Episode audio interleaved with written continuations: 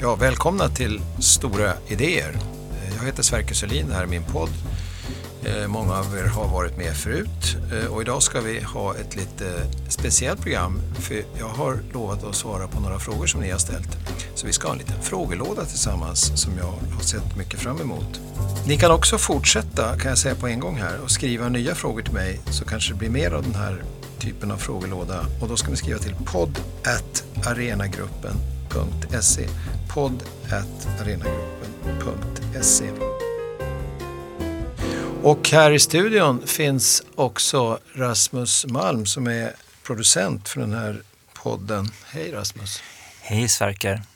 Fint att jag får komma in i studion idag. Ja just det, jag har släppt in dig idag lite extra. för du ska hjälpa till lite grann med frågorna framför allt. Ja precis, jag ska läsa upp några av de fina frågor vi har fått in från er lyssnare. Jättekul att så många har skrivit, tycker vi. Eh, ja, men jag kör igång direkt då. Ja, men du har en fråga det är lika bra. på lut. Ja, jag har en fråga här framför mig. Vi börjar med den här som kommer ifrån Bengt G Karlsson. Så här skriver Bengt. Hur kan det komma sig att vi här i Sverige tror att vi är bäst i världen och därför vill gå före och visa vägen för alla andra länder?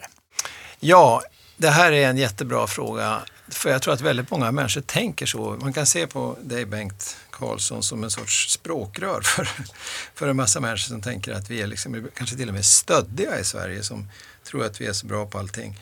Och så vill vi liksom peka ut riktningen för andra och så. En del kan uppröras över det här. Andra kan också tycka att det här är det underbaraste av allt, att vi svenskar har fått det så bra och därför vill visa vägen för andra. Så det finns, jag tror att även den här frågan är lite polariserad. Men det viktigaste av allt att säga tycker jag kring en sån här fråga, det är egentligen själva utgångspunkten för frågan. Att vi skulle faktiskt vara så bra. Att det, det finns en sån här föreställning. För den har inte alltid funnits där, även om det, den har djupa rötter den här föreställningen och, och kanske delvis kan kallas en myt och så, så finns det många som egentligen har påstått raka motsatsen och det är just det som är intressant tycker jag. Och eh, då tänker jag kanske framförallt på en bok som kom 1971 utav en brittisk journalist, jag född i Kapstaden egentligen på 20-talet, nu en mycket gammal man, som heter Roland Huntford. Han skrev en bok som heter The New Totalitarians. Eh, det blinda Sverige heter den i svensk översättning. Och det var en total uppgörelse med ett likriktat och förskräckligt land där man inte kunde leva, som saknade mångfald och där det alltid regnade i princip, om det inte snöade. Och där människorna inte, inte bara var stöddiga utan också fullständigt uppblåsta utav mallighet över en, en sorts eh, ganska förtryckande samhälle egentligen. Och totalitarianism var ju en kalla krigsterm i väldigt hög grad som var i rörelse på 50 och 60-talen och som fortfarande levde kvar lite grann där på 70-talet. Nu har den kommit tillbaks igen. Så att jag tror att man kan säga att själva utgångspunkten är problematisk för hela frågan. Alltså, vi svenskar har inte, varken varit bäst alltid eller ens alltid trott det om oss själva och framförallt har inte andra trott det om oss.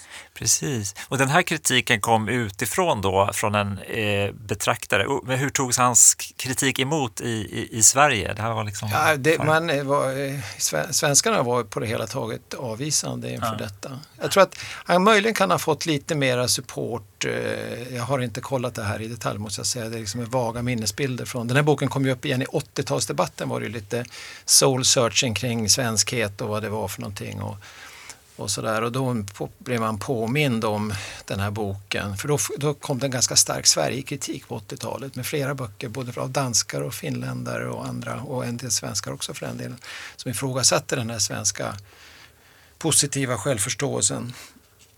Och lite grann bredde marken också sen för den ska vi säga, nedmontering av det gamla svenska som har pågått några årtionden nu. Och då, då var det väl en uppskattning. Och jag tror att redan på tidigt 70-tal fanns det nog en del i den tidigaste vågen av nyliberal väckelse som började komma på 50-60-talet, där fanns det nog en del eh, som hittade hem när de hörde Huntford och tyckte att det var Just det. evangelium. Och sen dök det här begreppet DDR-Sverige upp. Det är mer vad jag minns som eh, poddprofilerna Filip och Fredrik förde fram för att beskriva det här. Jag antar att det är samma totalitära...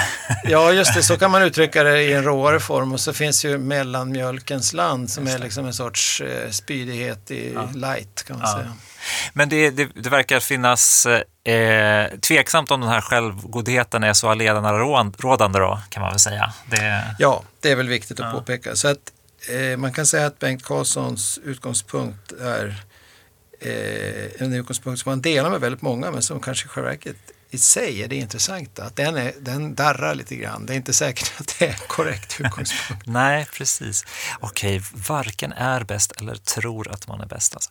Ja, Så skulle jag vilja säga. Okej, ja, eh, men eh, vi går vidare till nästa fråga. Eh, Tack för det svaret. Och jag eh, kliver tillbaka lite här till mitt Eh, producentbås, eh, för på resten av frågorna så eh, har vi lite längre, lite längre svar eh, av en annan typ, eller hur? Ja men visst, och, och att jag har tänkt till där lite grann och verkligen försökt att formulera svar som, för att frågorna är verkligen så bra att de inbjuder till lite mer ordnad reflektion här och inga bara hastiga uppstötningar. Utan, så att, så att de är lite varierande längd och, och jag håller på en stund. Okej, ja, men jag checkar ut här då. Ja, ses, ses sen. Hej, hej. Hej!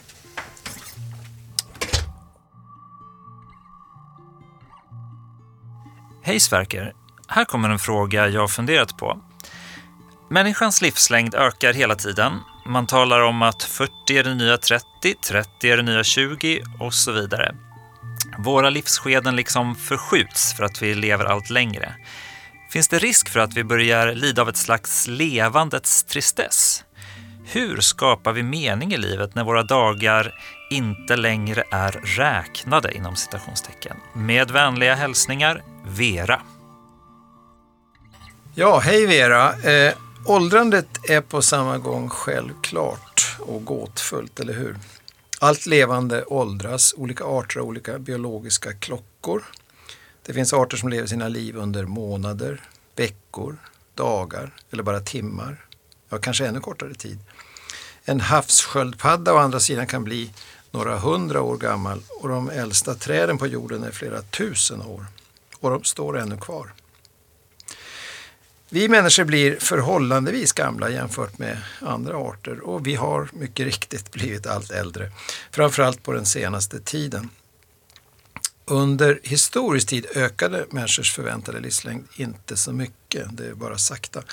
Den verkligt stora förändringen har kommit ganska nyligen och det tror jag är viktigt att det är nytt.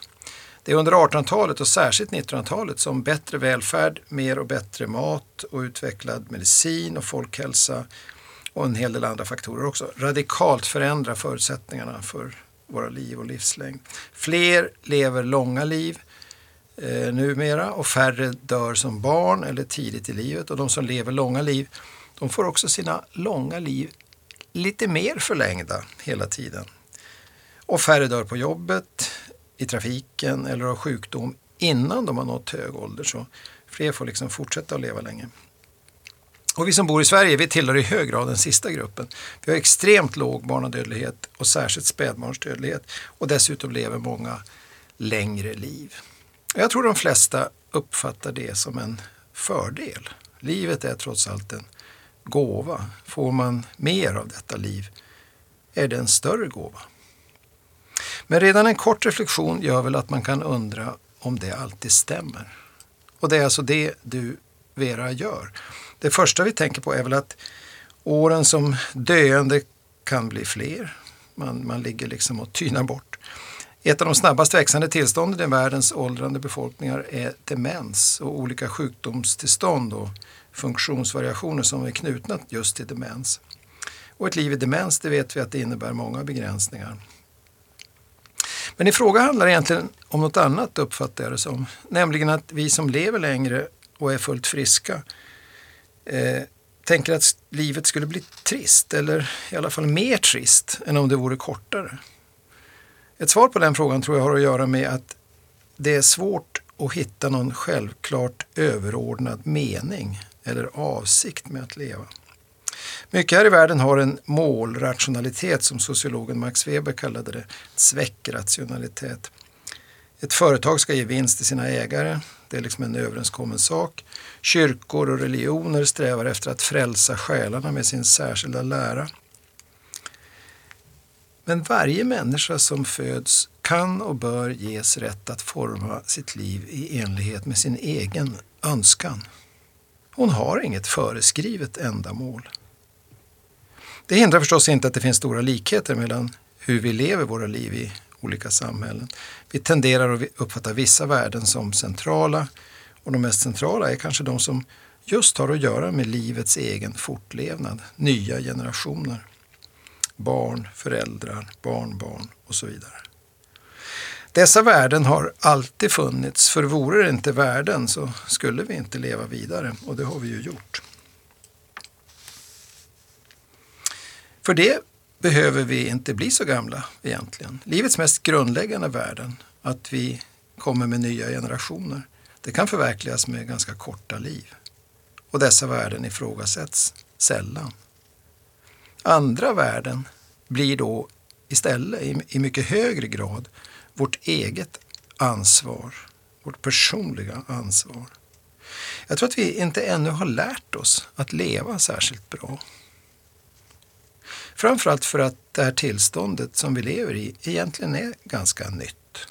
Det är bara några generationer sedan vi började bli betydligt äldre och levde liksom trygga i detta. Vårt beteende är ändå upptaget med att göra i stort sett samma saker som vi gjorde när vi levde kortare liv. Vårt materiella tillstånd, om jag får kalla det så, är ännu det som upptar oss mest.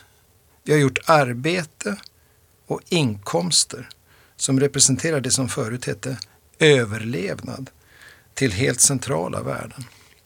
Lite olika mellan olika samhällen, men i vårt samhälle väldigt mycket. Annat som upptar en allt större del av våra liv har vi ännu inte utvecklat till värden med samma självklarhet. Det skulle kunna förklara din fråga.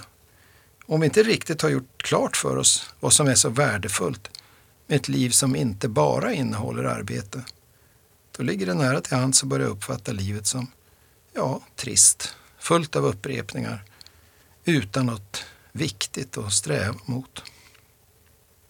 Men livet är fortfarande ändligt. Och vore det oändligt skulle jag verkligen hålla med dig.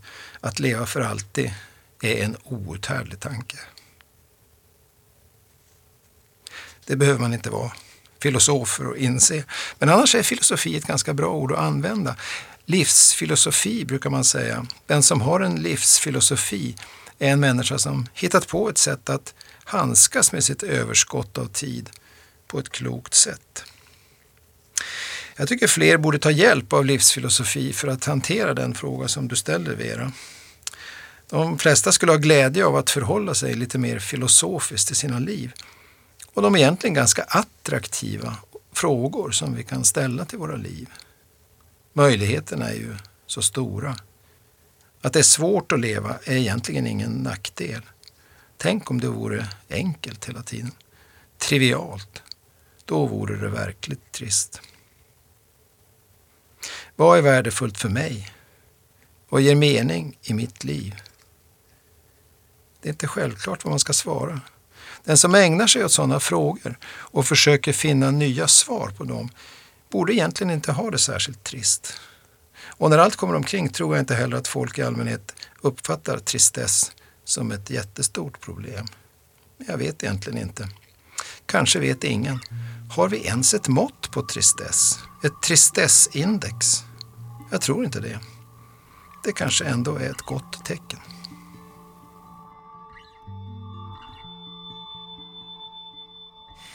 Hej! Tack för en fin podd. Jag undrar vad du har för tankar om medborgarlön.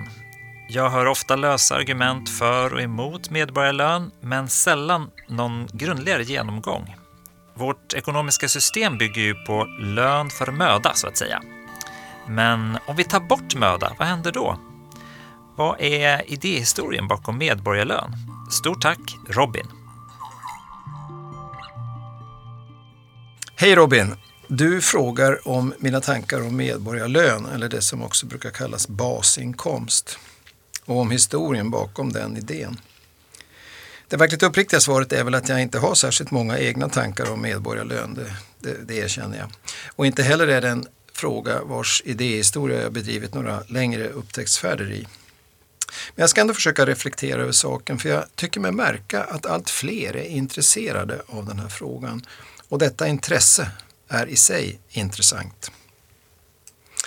Det finns också många tänkare som har försökt formulera något som man skulle kunna kalla idealtillvaron. Redan under antiken så var olika tänkare inne på det och några tänkte sig att ett aristokratiskt liv hade mycket som talade för sig. En människa som hade vissa tillgångar och utan oro kunde ägna dagen åt sysslor som ter sig meningsfulla och behagliga kanske. Nu är inte alla aristokrater precis med stora tillgångar och så blir det väl heller inte inom överskådlig tid. Och just därför är det värt att lägga märke till, tycker jag, själva föreställningen. Eftersom aristokraten per definition är en människa som har det så gott försörjt med det mesta att en stor del av fokus kan läggas på att alldeles själv få ge mening åt tillvaron. Det betyder inte att arbete är uteslutet. De flesta som har funderat över idealtillvaron tänker faktiskt att arbete är viktigt. Men inte vilket arbete som helst. Utan ett arbete som är meningsfullt och inte för slitsamt eller farligt eller alltför enahanda. I utopier, till exempel, förekommer det också tankar om ett arbetsfritt liv som ett alternativ eller i alla fall att det nödvändiga arbetet begränsas kraftigt. Utopier som Thomas Mores från början av 1500-talet och sen otaliga utopier från senare århundraden är egentligen viktiga böcker där människor försökt att formulera hur ett gott liv skulle kunna levas tillsammans av många människor. Knappt en enda av dessa utopier går ut på att människor ska arbeta med enahanda uppgifter en stor del av dygnet. Tvärtom. Jag tror att idén om medborgarlön på ett sätt finns i en sån mer utopisk tradition. Den är kanske inte i första hand avsedd att förverkligas som ett politiskt program, men den hjälper oss att ta sikte på vad som är värdefullt. Det är också när ett modernt och mer inrutat arbetsliv tar form med industrialismen och något vi kan kalla ett arbetsliv med idéer om arbetsgivare och arbetstagare i bestämda relationer till varann. Jag tror att det är ungefär då som mer artikulerade tankar på en medborgarlön börjar komma upp. Vi kan säga på 1700-talet och en bit in på 1800-talet. Thomas Paine, den idérike revolutionären som var inblandad i både den amerikanska och den franska revolutionen, han hade en tanke om medborgarlön. Paine var framförallt intresserad av rättvisa. Några föddes rika, andra föddes fattiga. Och han ville omfördela ärvda tillgångar så att alla på det sättet fick en basinkomst. Men det betydde inte att han tänkte att folk behövde sluta arbeta. Eller ens att de skulle önska med det. Men med en basinkomst skulle människor få frihet att välja själva vad de ville göra med sina liv. Så den där tanken om medborgarlön var egentligen knuten till frihet kan man säga. Det är påfallande hur många, inte minst bland ekonomer, som har varit tilltalade av tanken på en medborgarlön. Det verkar också vara en fråga som attraherar från vänster till höger. Milton Friedman talade gärna om helikopterpengar och att samhället tjänade på att alla hade åtminstone någonting att spendera och att fattigdomen inte skulle utbreda sig allt för mycket för det var skadligt. Marx hade i sina mest fritänkande ögonblick visioner av en tillvaro som präglades just av en aristokratisk livsstil.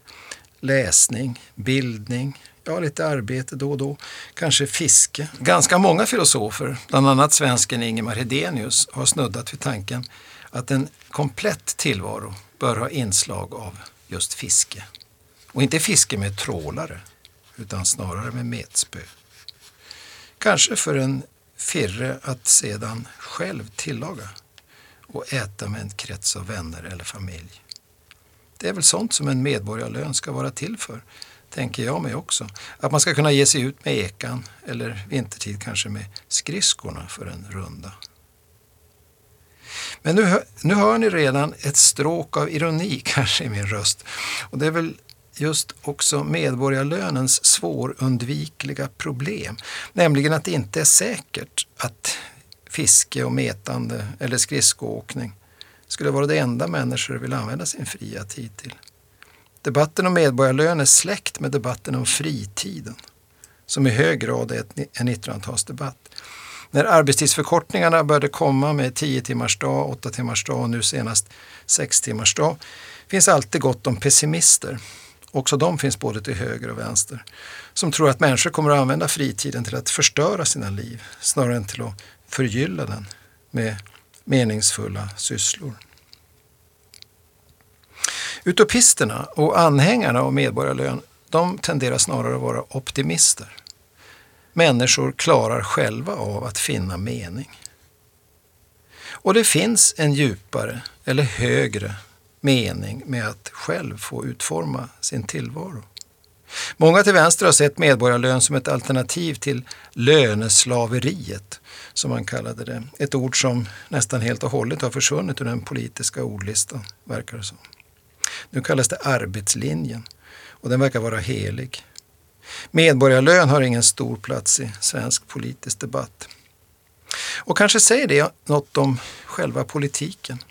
Att jag står här och försöker besvara en fråga om medborgarlön är, kan jag tänka, ganska symptomatiskt för politikens ställning. Det finns stora och intressanta idéer som skulle kunna användas för att föra en spännande debatt om samhället och vår gemensamma tillvaro. Men politiken i gängse mening är i allt mindre utsträckning platsen människor går till för att uppleva och delta i politik, som ju är vår överläggning om gemensamma angelägenheter. Istället lyssnar människor på poddar och skickar frågor om medborgarlön och livets mening till sådana som mig. Kanske för att politiken har slutat att svara på sådana frågor.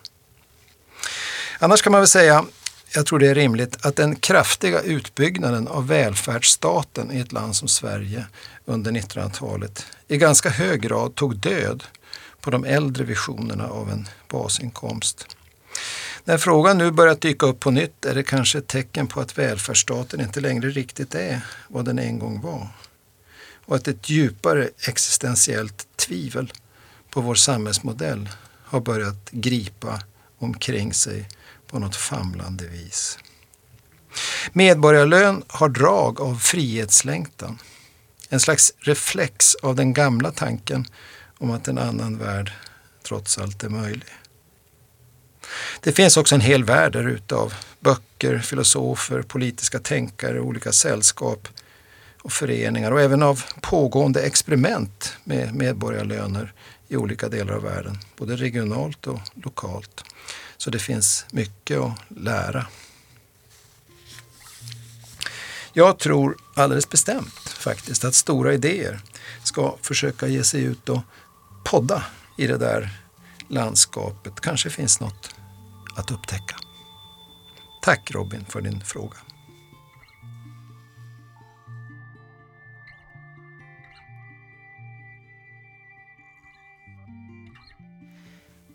Hej Sverker! Tack för fina poddavsnitt. Som före detta lärare är jag bekymrad över utbildningen i vårt land. När skolan läggs ut på entreprenad till friskolor, hur påverkar det statsmaktens möjligheter att bedriva ideologisk påverkan och uppfostran? Min uppfattning är att kommunaliseringen av grundskola och gymnasium var första spiken i den kista av ekonomiska klipp, merkantilism och konkurrens vi idag dras med. Men vad är hönan och vad är ägget? Kommunaliseringen 1989 satte stenen i rullning. Men vad gjorde reformen tänkbar? Var det något annat än omsorg om skattebetalarnas pengar? Vid någon tidpunkt har projektet Sverige och svenskarna blivit obsolet. Jämför vilken debatt det var om läroplanen tidigare, till exempel KDS om kristendomen. Vilka riksdagspartier bryr sig om när det kommer nya läroplaner idag? På sin höjd debatteras timplaner och ämnen, men knappast något mer. Jag är snarare intresserad av skolan utifrån dess filosofiska, människodanande betydelse. Med vänliga hälsningar, Göran Pilqvist i Siljansnäs. Hej Göran! Skolan är ett säkert kort och det är ganska svårt att hitta på något nytt att säga om den utveckling denna fråga har tagit i vårt land. Man förblir liksom mållös inför vidden av det förstörelseverk som har pågått i flera årtionden. Men kanske pågår ändå ett slags begynnande omsvängning. Jag tror det.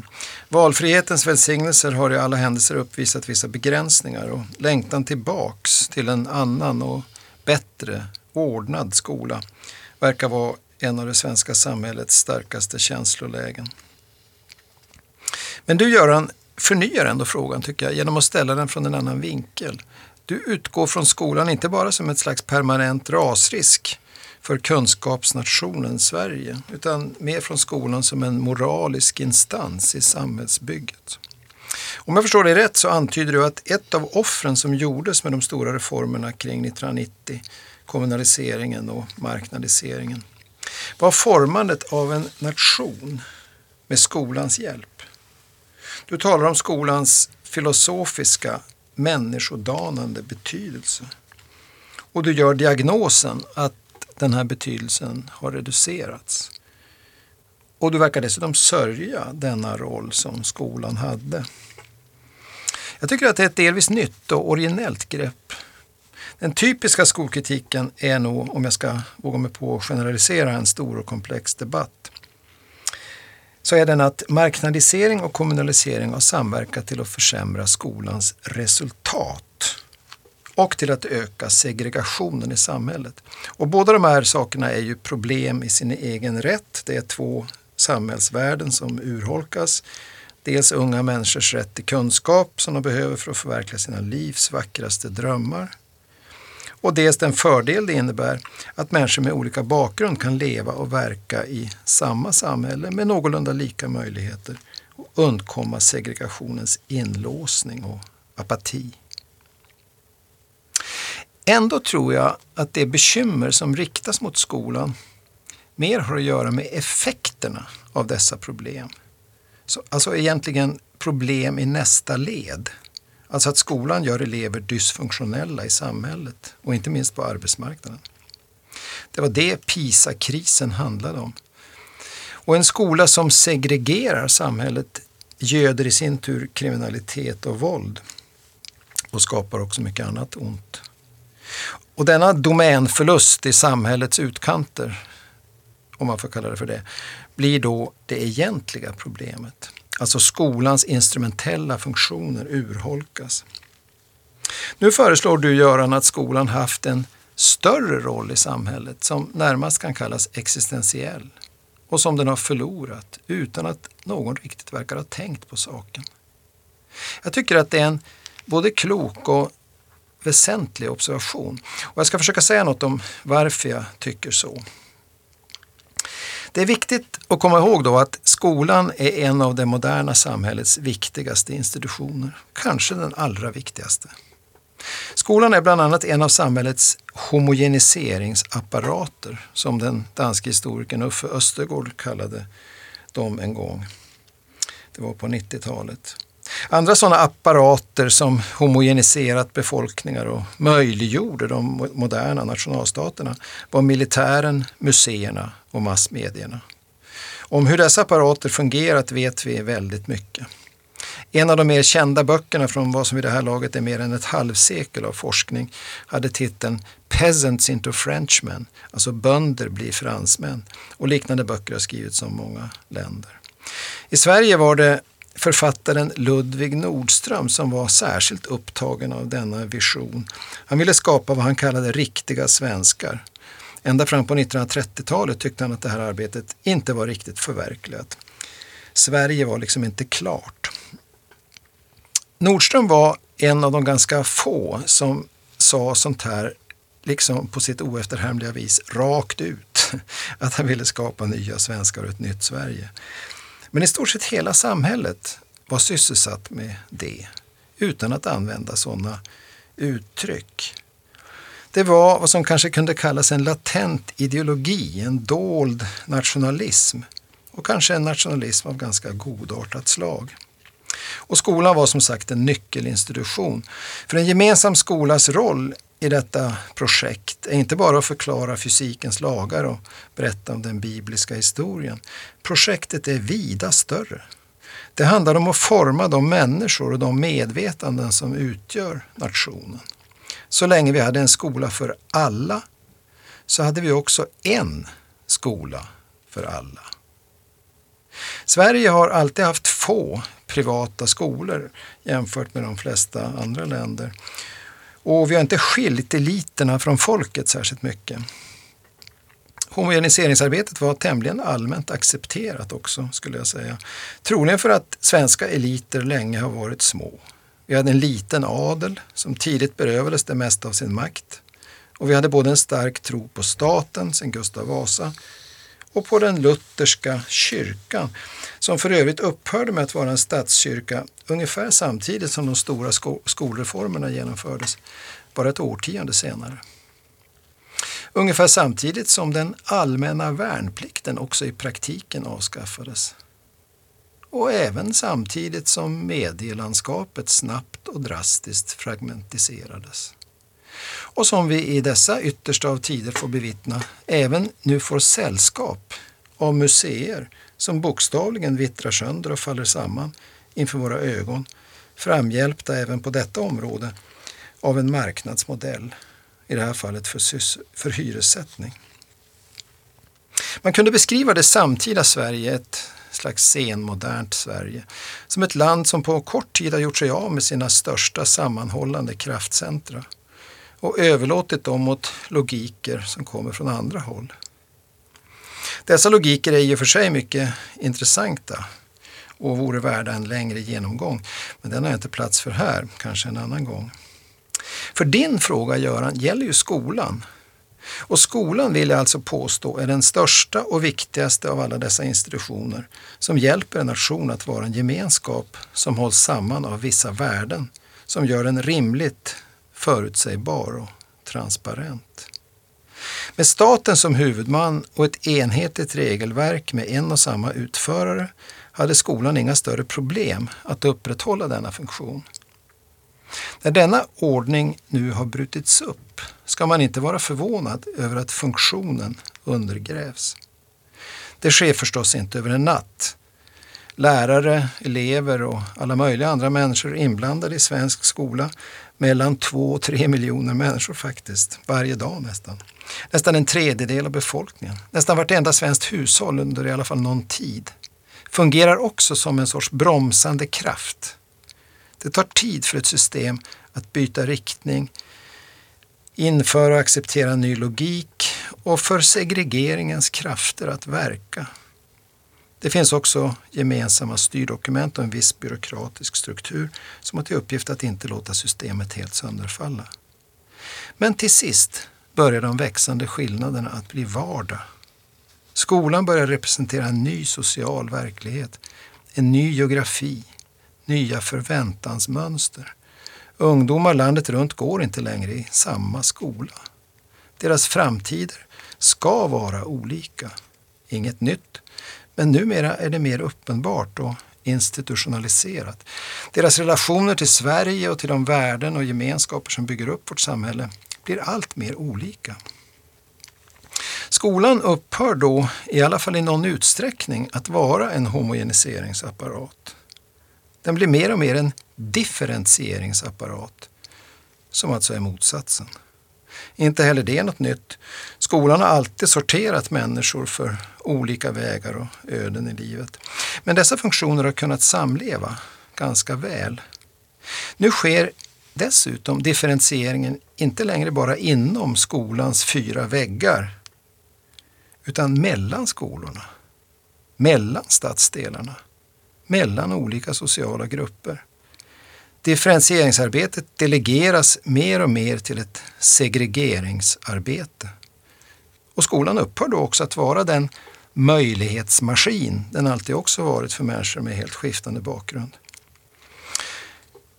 Eller rättare sagt, det viktigaste är inte att låta skolan utföra detta möjlighetsskapande arbete, utan att komma till den rätta skolan. Där man redan på skolnivå har arrangerat för dessa vitt skiftande framtider.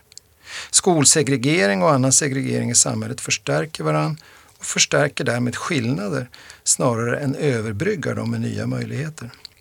Vilket faktiskt var en av friskolereformens ljusare idéer, att presentera fler möjligheter. Men så har det inte blivit, snarare tvärtom. Och det är här din viktiga fråga kommer in, Göran. Du identifierar det ögonblick då detta inte längre är något att sörja. Fast det i själva verket är det vi borde sörja mest av allt. Jag menar så här, det blir fler och fler och allt större grupper som inte längre känner sig berörda av att skolans roll som nationellt kraftsamlande institution sjunker och att den inte längre fungerar som en möjliggörare. Det är nog en känsla som särskilt gäller de som upplever sig finnas på den vinnande sidan i detta institutionella landskap. De som upplever att de redan köpt sig fria utan att ens behöva betala för det eftersom svensk skola inte har några avgifter. Därför betyder, och det tror jag du har alldeles rätt i, läroplaner och lärandemål och betygskriterier allt mindre. Segregeringsapparaten gör jobbet själv med sina i och för sig trista inslag av betygsinflation, skolans egna aktiva val av föräldrar och elever från rätt bakgrund och en storskalig delegering av det mesta av skolans problem till, ja, man kan säga en skola någon annanstans där lärarna dessvärre också är sämre utbildade och ibland också sämre betalda. Så kan man beskriva en större logik som förklarar den paradox du, Göran, pekar på. För de som nu är tysta är precis de grupper som förr var upprörda över att just deras värderingar, till exempel religiösa värderingar, förskingrades i de moderna läroplanerna. Eller att en viss världsbild behövde överges eller vissa synsätt på samhället. Det var i hög grad samma grupper som talade om behovet av sammanhållning i samhället. De talade också ibland om behovet av bildning för att inte folket skulle bli en farlig pöbel som hotade samhällsordningen. Det var också därför som homogeniseringsapparater som skolan var accepterade av alla. De gjorde ett viktigt jobb för ett fredligt samhälle där man kunde leva med varandra trots skillnader. Den uppgiften verkar onekligen övergiven. Det tog 40 år. Det var ännu en icke avsedd bieffekt av skolans stora reformer. Man använder sin voucher för att checka ut. Jag tror att din fråga har satt fingret på något som vi verkligen behöver tala betydligt mer om. Jag tror till och med att en del av förklaringen till det politiska landskap vi lever i just nu har att göra med vår inställning till just de homogeniseringsapparater som länge gjorde sitt jobb i det tysta utan att vi riktigt tänkte på det.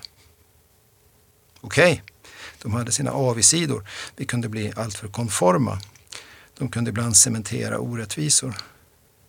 Men deras dygder tänkte man inte på när man avskaffade dem. I andra länder var man inte fullt så oförsiktiga. I alla fall inte på skolans område. Ja, eh, så låter det när man har frågelåda. Eh, I alla fall jag hade riktigt kul och tyckte att det var väldigt spännande. Och jag ska tacka er igen för alla frågor. Och påminna om att det går att skicka in fler för eventuellt nya kommande frågelådor. Och då skriver man till podd arenagruppen.se alltså podd arenagruppen.se Det var stora idéer för idag. Stora idéer med Sverker Sörlin produceras av mig, Rasmus Malm, för Arena Idé. Och musiken ni hör här i bakgrunden det är som vanligt Bemcha Swing av Thelonious Monk i en version av Esbjörn Svensson Trio. Sätt gärna ett betyg i Spotify-appen så får fler upptäcka den här podden. Du kan mejla oss på podd arenagruppen.se. Klippte och mixade podden gjorde den eminente Simon Karlsson.